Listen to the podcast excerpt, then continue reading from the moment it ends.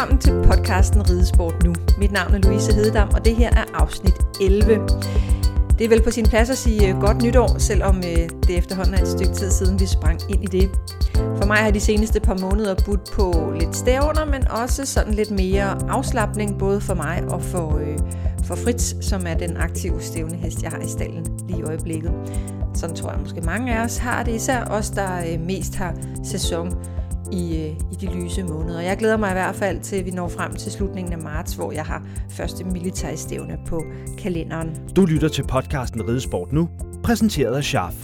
I det her afsnit skal vi øh, tale med en meget engageret ildsjæl. Øh, jeg vidste godt, hun var engageret. Jeg vidste godt, hun var en ildsjæl. Øh, hun er også dressurrytter. Øh, men hendes entusiasme, øh, når vi taler om, øh, om udviklingen af unge ryttere, øh, Øh, den blev jeg alligevel en lille smule overrasket over, da vi sad der sammen i øh, sofaen for nogle uger siden. Jeg tror egentlig ikke, jeg vil sige ret meget andet end øh, lad os komme til øh, Jonstrupgården på Midtjylland og møde Lisbeth Sejerskilde.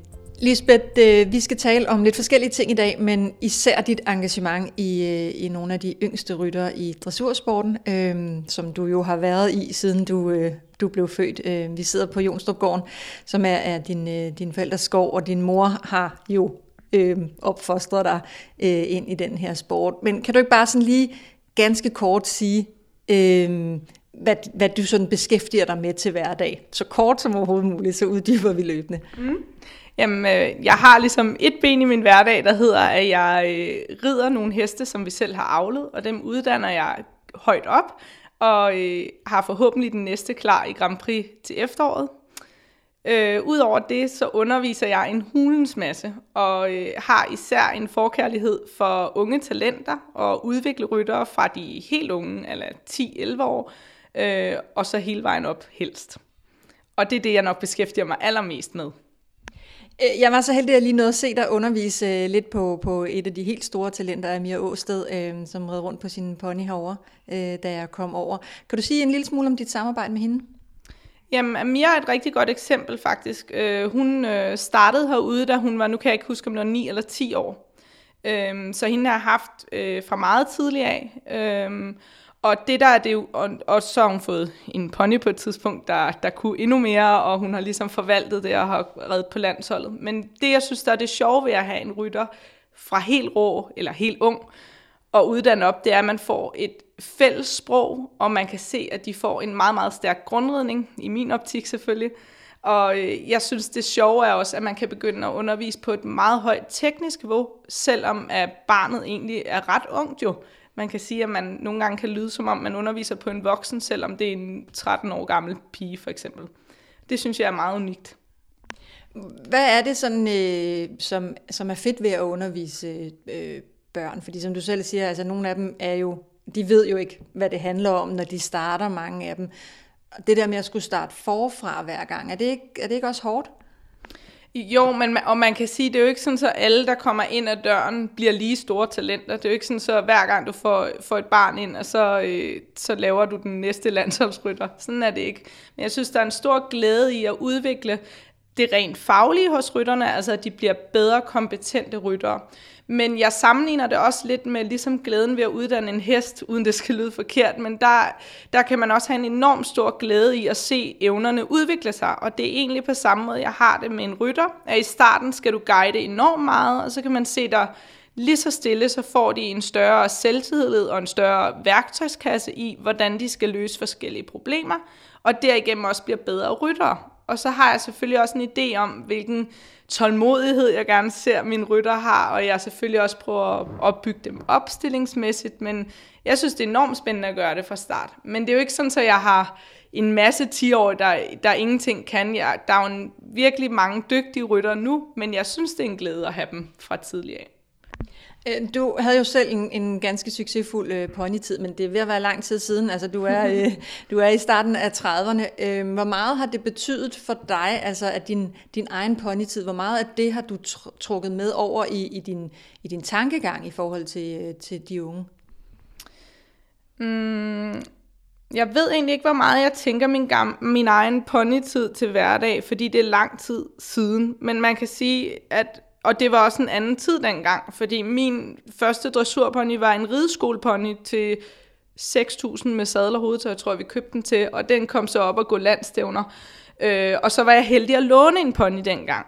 Så man kan sige, måske en af de elementer, jeg har med, det er, at jeg gør meget for, at min, de rytter, der ikke har mulighed for at købe de her forholdsvis dyre ponyer, at vi kan lave en eller anden, anden samarbejdsaftale, enten med en avler eller en pony, der er stået skadet, som man gerne vil have vist frem et par år for at øge værdien, øh, for eksempel. At man prøver at lave de der samarbejder på tværs, fordi det var jo faktisk det, der gav mig muligheden for at ride øh, Cha-Cha, som min pony hed, i fire år på landsholdet. Øhm, den havde vi aldrig øh, kunne købe dengang. Øhm, så på den måde har det måske et element øh, med sig ind i måden, jeg tænker på i dag, med at prøve at udvikle alle talenter, ikke kun dem, der har mulighed for hele pakken, men også nogen, der måske ja, kan gå mindre all in. Øh, det bliver du nødt til sådan lige at uddybe lidt, øh, fordi der, som du selv lige hurtigt siger, der er sket en del øh, på den tid. Jeg har jeg red faktisk øh, ponydressur mod Tjatja, inden du mm. kom til at ride den, øh, og, og, og det var nogle andre ponyer, end der er nu, og som du også siger, det var nogle helt andre priser, man kørte med dengang, altså markedet var helt anderledes. Hvordan, hvordan får du det til at hænge sammen, så så alle egentlig, altså så godt du nu kan, men hvad, hvad gør du for, at, at, øh, at alle føler, at de, de kan være med? Øhm, jeg har meget den holdning, at man skal prøve at få max ud af den kombination, man nu har. Det er klart, hvis du rider på en pony øh, til øh, 50.000, så kan den formentlig ikke komme op og gå 72% til et landstævn. Så det vil også være åndssvagt af mig at ligesom sætte barn til det, det der er målet. Så det handler om at skabe en udvikling og, og en stolthed over, at man kan udvikle den enkelte ekvipage til deres max. Og i min verden, der vil det være lige så flot, at den ekvipage når op at ride øh, 67, for at sige et rende, øh, til et landstævne.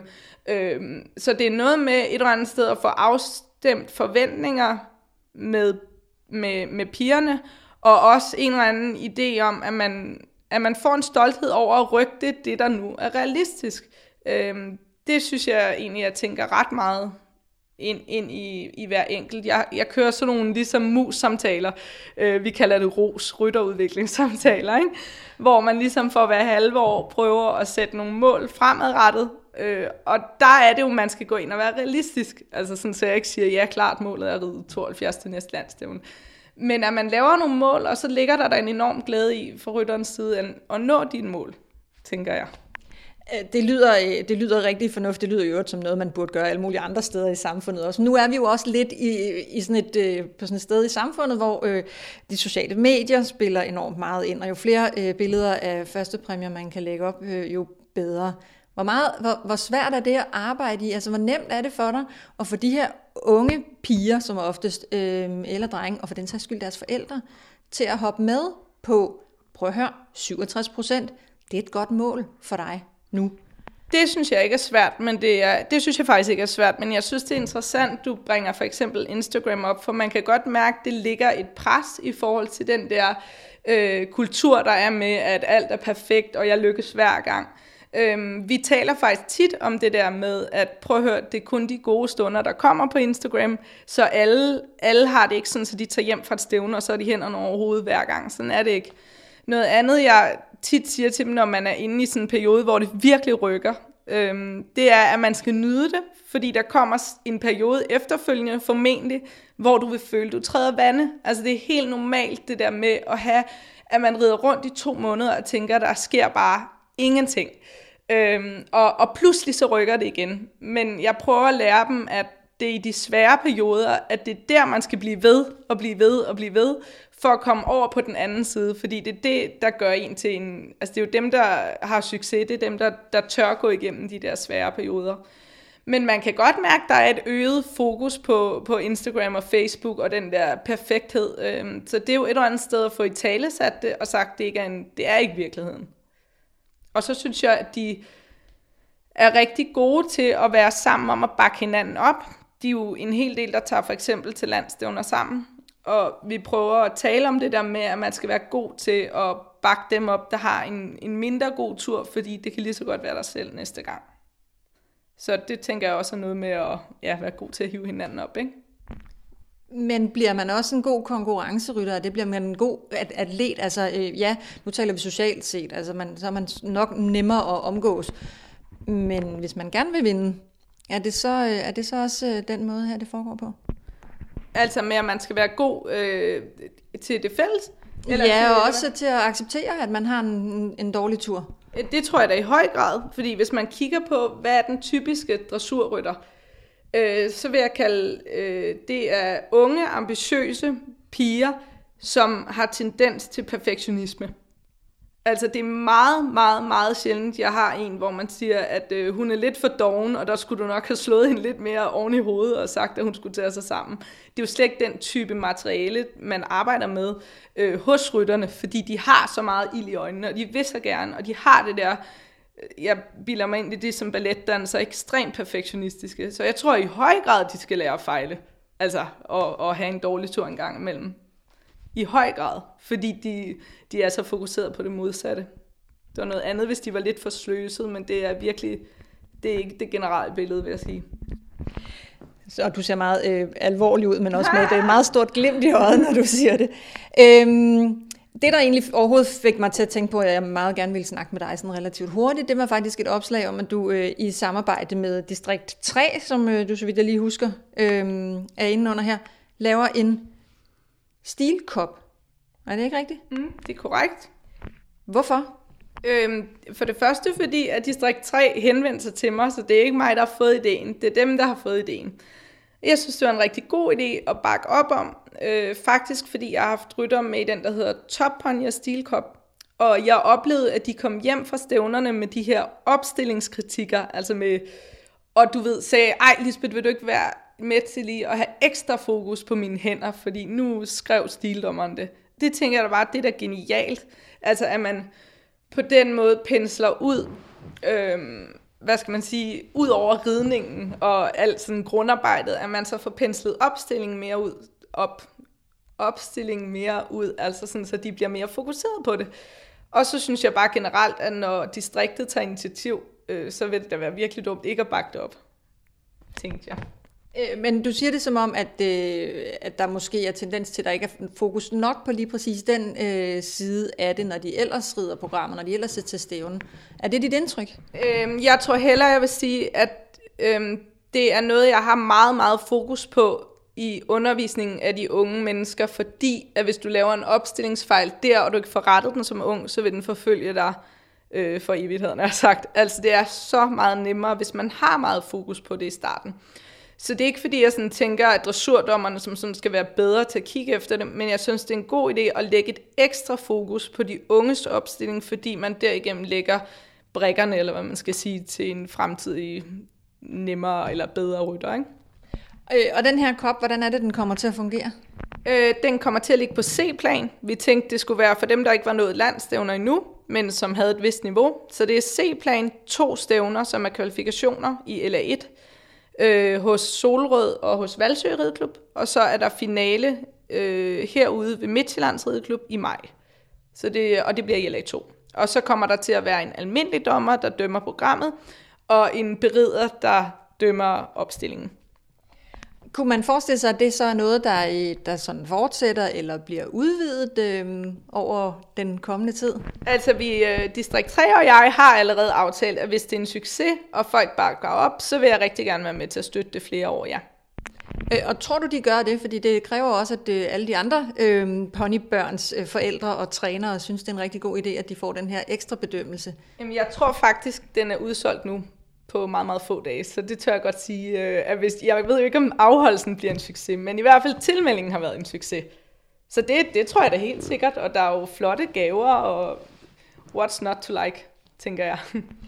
Øhm, noget af det, at øh, du også har været arrangør af, nu, tør jeg, nu er jeg bange for, om jeg får lagt det hele over på dig, men den, der hedder Sejrskilde Sportskop, det går ud fra i hvert fald har noget med... Det er 100 procent øh, min kop, eller hvad man siger.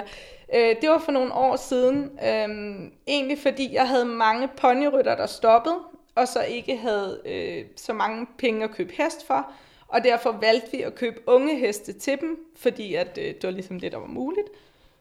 Og de gik lidt døde i, at de ikke havde noget sådan konkurrence, eller de havde været vant til måske at ride ekokop og alt sådan noget. Så derfor så øh, lavede jeg Sejrskil Sportskop, som var for unge under 21 år. Øh, også på LA-niveau, men på hest. Øh, og, og den synes jeg har været fungeret rigtig godt, og så har det været mine egne personlige sponsorer, der har givet gaver. Men det har bare været en enkelt dag til vores distriktsstævne, så bare med ekstra fede gaver. Men det var egentlig bare for at lave sådan et pejlemærke i løbet af året, som var noget sjovt. Og, og, og der kommer du egentlig ind på noget meget centralt, som jeg øh, også har beskæftiget mig med tidligere, nemlig den her overgang fra pony til, til stor heste. Nu som sagt, det så jeg der lige underviser Mia. Øh, hun er tårnhøj og, mm. og kommer, siger du, til at, at øh, skifte til hest, før hendes ponytid den udløber. Øh, og, og det ser vi jo øh, mm. med rimelig mange øh, af dem. Det er jo så ikke alle, der har råd til, som du også selv inde på, at gå ud og købe en hest, der kan, altså som, som er på det samme niveau, som de egentlig forlader. Mm. Øh, hvad kan man, hvad kan man gøre, mener du, for at gøre den her overgang mere interessant? Også fordi det er også det tidspunkt, øh, hvor, måske ikke lige for Amias udkommende, men når man i hvert fald øh, stopper som 16-årig, øh, hvor man måske begynder på noget øh, gymnasie, og man bliver måske mm. mere interesseret i det modsatte køn, og, og gå i byen, og hvad ved jeg. Øh, hvad, hvad, hvad mener du, man kan gøre for måske at fastholde nogle flere af de her unge talenter i ridesporten? Altså nu kan jeg tage fra vores øh, private sted herude.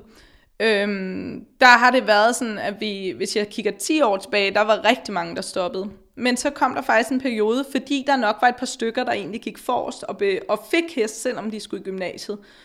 Øhm, så når der var nogen, der spurgte ind til det, jamen, så sagde jeg, prøv at gå over og snakke med Rikke eller Emilie eller Sofie og hør, hvordan det er.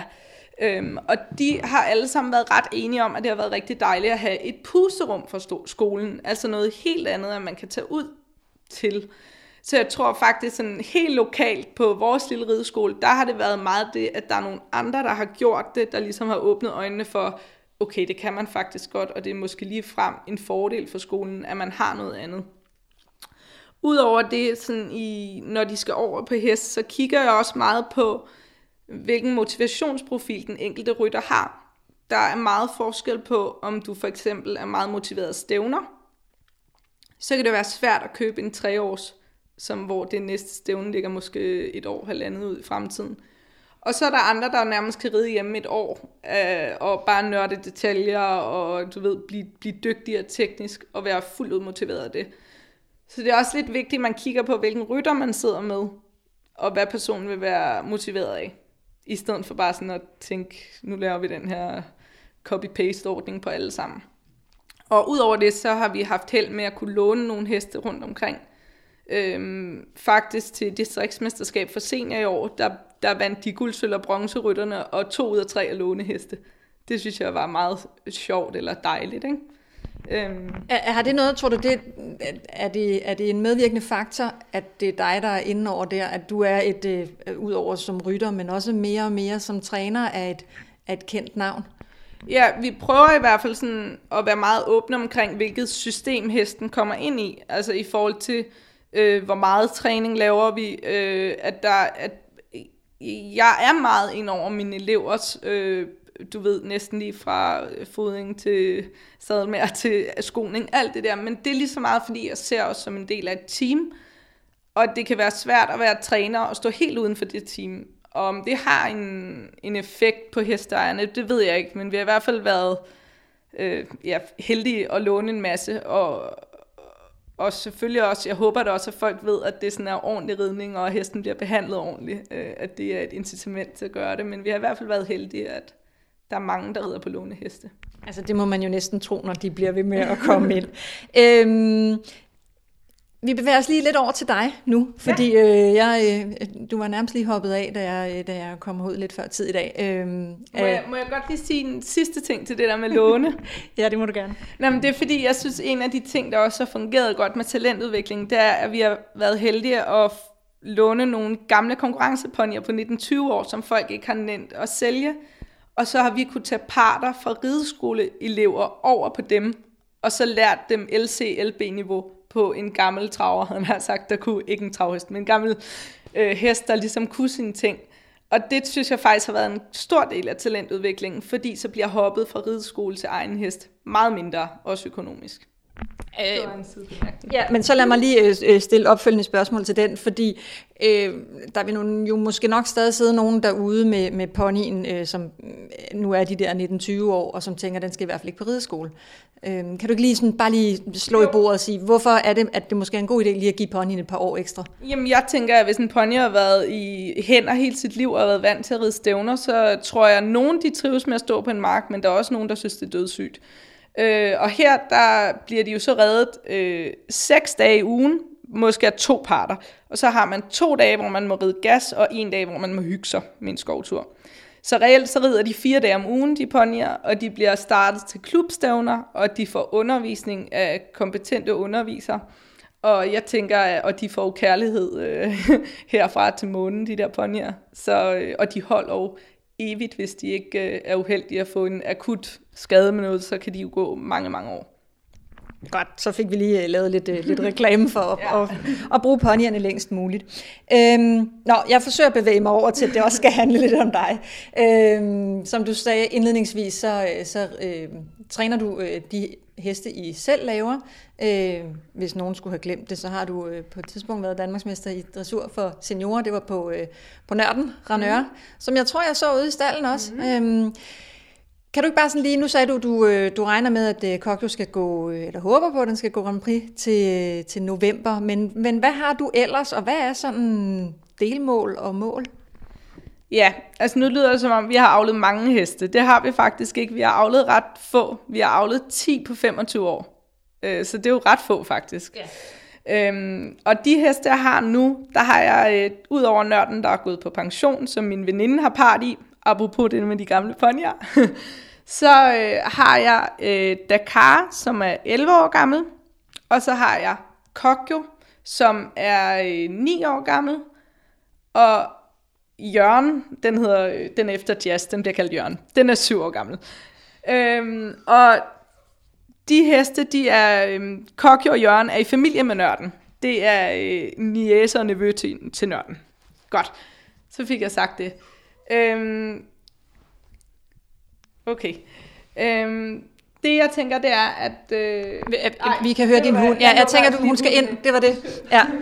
Du forsøgte at sidde og signalere et eller andet. Altså, Ulla. Nu kommer Ulla. Ulla Terkelsen, den fine lille gravhund. Nå, så, så prøver vi igen. Ja. Summa summarum, efter nørden har der kun været fire heste, vi selv har avlet, og jeg har reddet op. De er faktisk, de tre af dem er nu reddet op til lige under Grand Prix-niveau. Jeg har solgt den ene til USA, så har jeg sat Dakar til salg, lige nu faktisk, og så har jeg besluttet mig for at beholde Kokyo. Og det er fordi, at jeg kan mærke, at Kokyo og jeg har det der bånd, der skal til, og den passer bare sindssygt godt til mig. Og jeg har altid haft det sådan med den hest, at den troede, jeg blev den næste sådan, stjerne for mig. Øh, og det er en sjov historie med hende, fordi at jeg altid lidt har fået det modsatte at vide i unghesteklasserne. Den var faktisk øh, øh, udskældt, det er et dårligt ord, men den var, altså, dommerne var meget, meget negativ på den øh, i unghesteklasserne, men jeg har altid selv bare været stedig og tænkt, vent og se. Og så fik den lidt sit gennembrudsår, vil jeg sige, i 2018, hvor jeg kom op på lille niveau og blev nummer to i Bundgård Bygfinalen og ja, nummer fire over i Lille Tur til World Cup stævnet. Øh, men den tror jeg helt vildt meget på. Og jeg, jeg, grunden til, at jeg ikke har beholdt alle de andre, det er for det første, fordi jeg økonomisk ikke har råd til at køre en konkurrencehest på top, top, top niveau. Øh, hvis jeg bare ligesom kigger på min øh, konto nu, havde jeg sagt, jeg bliver nødt til ligesom at tilføre noget, fordi jeg ved godt, hvor meget det kræver. Det er vanvittigt dyrt. Øhm, og så har jeg en syvårs der, som jeg sagde, Jørgen der, og det er nok den bedste hest, vi har afledt til dato. Øh, men den er gået meget stille frem med, øh, fordi han er kæmpestor og stort gående, og øh, desværre har han haft en skade, som han så har gjort, han er kommet yderligere bagefter. Så summa summarum, det er, at jeg vil gerne ned og have Kokjo og Jørgen, så jeg kun har to heste faktisk. Øhm, og så håber jeg, at Kokjo bare kommer til at gå hele vejen. Men nu må vi se. Øh, to heste, altså som I kun har ridet to heste dagligt? Mm, jeg, jeg rider... Øh, jeg rider to heste selv, ja, men så har jeg rigtig tit, øh, for eksempel hvis jeg har en elev, der har købt en unge hest, der skal lære at chancere, jamen så har jeg den måske en dag om ugen, hvor jeg træner chancemanger. Så jeg rider næsten altid øh, fem heste, før jeg begynder at undervise, og så underviser jeg jo typisk 12 om dagen ud over det. Så øh, jeg tænker, at mit fokus kommer til at ligge på min egen ridning, og så undervisning mest. Og når du så siger, at øh, du tænker, at øh, Kokjo skal, skal gå helt til tops, er det så, øh, er det så landsholdstanker og Danmarksmesterskaber og den slags? Altså, jeg vil rigtig gerne ride hende op og ride Danmarksmesterskaber, og jeg vil også gerne ud og konkurrere hende internationalt. Øh, om det er godt nok til at komme på A-hold nu, det aner jeg simpelthen ikke, fordi at, hvis jeg skal være helt ærlig, så synes jeg, at Danmark har nogle vanvittigt stærke øh, ekvipager lige nu, og de har mange heste. Øh, og øh, uden at det skal lyde uambitiøst, så er det min lykke heller ikke nødvendigvis hængt op på det. Altså det vil være en kæmpe, kæmpe sejr for mig, hvis jeg kan komme op og ride internationalt og kan gøre det rigtig, rigtig godt på Kokyo. Øh, det vil være en kæmpe sejr for mig. Og, og hvis der så kommer ekstra oven i hatten, så er det bare ekstra flødeskum på kagen, havde jeg sagt. Det, jeg vil være meget stolt, hvis jeg bare kan komme op og ride Grand Prix, og kan gøre det rigtig godt i Grand Prix. Ja, nu tog du sådan nærmest gassen ud af et af de spørgsmål, Ej, jeg havde forberedt. Nej, det skal du ikke. Øhm, fordi jeg, jeg tænkte nemlig, der har lige været, øh, været samling øhm, af, af A-landsholdet i, over på, det var vel på Blue Horse i mm. virkeligheden. Øh, og, og altså, det er jo ryttere, som har måske har Katrine Dufour ikke ligefrem stallen fuld af, af sine egne heste, men, men øh, nu efter hun er ansat øh, hos Helstrand, så har hun i hvert fald også let ved at få materiale. Ikke? Øh, Daniel Bachmann er, har jo også stallen fuld af rigtig, rigtig gode heste. Øh, hvem har vi ellers? Øh, Karina ja. Kassø og, og Anna Kaspersjak var de sidste to, der var med også, med, med gode, øh, virkelig gode heste og mulighed for at få flere ind. Øh, og jeg tænkte nemlig på det der med, om Altså, om du forsøger også at gøre dig sådan til i forhold til, at der er nogen, der vil stille heste til rådighed, fordi som du selv siger, der skal også noget økonomi ind, og derfor er man nødt til indimellem at sælge noget af det, man selv har. Eller om du er godt tilfreds med at have det, du har, og så må det ske, hvis det sker. Altså, jeg tror, jeg er meget, meget drevet af det der med at udvikle hesten, og, øhm, og hvis jeg redder rundt på noget materiale, jeg synes var træls, så kan det godt være, at jeg vil tænke anderledes, men jeg synes faktisk, jeg har en skide god hest. Øh, og selvfølgelig er det måske ikke verdens bedste hest, men jeg synes, jeg har en rigtig god hest, og er egentlig meget motiveret af det, og jeg tror, jeg sådan er meget på min egen vej, hvis man kan sige det. Altså, jeg er ikke sådan... Øhm, hvis det var det, jeg ville, så var det nok det, jeg prøvede at gøre, eller sådan for, forstå mig ret. Det er ikke, og, og det er heller ikke, jeg synes også, at alle de rytter har fortjent det, fordi de rider mega godt, og er mega seriøse med det, men jeg kan mærke, at jeg er meget drevet af egentlig bare at have øh, to heste måske, og så nørde dem i bund, mere end jeg vil sprede det ud på en hel masse heste. Og hvis jeg på et tidspunkt har fornemmelsen af, at materialet er der ikke, så vil jeg da også gå ud og prøve at låne en rigtig god hest, eller købe det, jeg nu øh, kan købe. Så det er ikke fordi, jeg sådan vil lukke den dør, men, men lige nu synes jeg bare, at jeg er rigtig godt ridende, og jeg synes også, at Kokja har bevist, at den godt kan ligge med. Øh, også selvom den bare er hjemmelavet øh, øh, DS-hoppe, kan man sige, ikke? Så, så synes jeg, at den har noget kvalitet. Øh, hvis vi sådan lige her hen mod slutningen skal knytte øh, tingene sammen, ikke? fordi noget af det hænger jo selvfølgelig også sammen med, at du har noget andet, som gør det for dig, det skal, altså det arbejdsmæssigt og ridemæssigt, nemlig alle din, din, dine elever. Øhm, hvor vigtigt er det, at man er en dygtig rytter, og at man er aktiv stævnrytter, for at kunne sætte sig ind i dem, man underviser, altså alle dine elever, hvad deres behov og hvad deres tanker og hvad deres øh, udviklingspotentiale er? Det var måske et stort spørgsmål. Ja, men jeg synes faktisk mere, jeg trækker på, mm, i forhold til udviklingen af dem, der øh, trækker jeg rigtig meget på min uddannelse faktisk, fordi jeg har læst øh, HR, øh, læst en kan mærke med HR, og meget med fokus, fokus på motivation og ledelse. Jeg synes faktisk, jeg bruger flere ting derfra, end jeg sådan tænker mig selv som stævnerytter rigtig meget ind i det. Men det er klart, øh, altså jeg tror, jeg analyserer dem ret meget, sådan motivationsprofilerne på dem, og prøver at tilpasse min undervisning meget efter det. Øhm, så på den måde, så tror jeg egentlig ikke på, at man skal være ude og ride aktivt selv for at være en god træner. Det er der også masser af eksempler på, jo, at der er masser, der kan træne rigtig godt, som ikke nødvendigvis selv kan ride. Men selvfølgelig er det en fordel, det der med en gang, imellem, hvis der er et problem, jeg kan sætte mig op og mærke hesten oppefra. Altså det der med, at det, det synes jeg er en fordel. Der er det jo godt, jeg kan ride, kan man sige. Og det vil så sige, at vi fik lige snakket om dine egne delmål og, og mål, øh, og vi har tidligere talt om, at du også øh, sørger for, at øh, rytterne har øh, delmål og mål. Hvad, hvad ønsker du selv? Sådan, hvad er den, det, det, store, det store ønske for dine ryttere? Hvis du skal sige sådan, hvad kunne du godt tænke dig ligesom, at kunne klappe sig selv på skulderen for øh, det kommende års tid? Øhm, jeg tror, øh, noget af det, jeg tænker meget over sådan på sigt, hvis jeg lige må gøre det lidt mere over et år, det er, at jeg kunne godt tænke mig at overtage Jonstupgården. Og jeg kunne godt tænke mig egentlig at videreføre mange af de værdier, der allerede er herude. Men den der med, at man laver et sted, hvor man kan komme ud, og det skal være et fristed for alle. Der skal være plads til alle, om du har en hest til 10.000 eller til en million. Og så skal du kunne forvalte dit talent bedst muligt. Altså du skal kunne udvikle dig, og det skal være sådan en... Øh, det skal være et sted, hvor det bobler af sådan energi og ild i øjnene. Men det skal også være okay at være skovtursrytter. Men det skal være det der miljø, hvor man får lov at udvikle sig. Det kunne jeg godt tænke mig. Altså at lave ligesom rammen og et, og et sted, der bare... Ja, det er der, der sker agtigt. Øhm, det er et mål for mig. Mere end jeg sådan tænker, og så skal jeg have en nordisk mester næste år. Altså også fordi det motiverer mig ikke øh, på den måde at, at tænke sådan. Det synes jeg er et mega godt sted at, at slutte med sådan en god vision, som, øh, som strækker sig lidt ud over 2019. Tusind tak for tiden.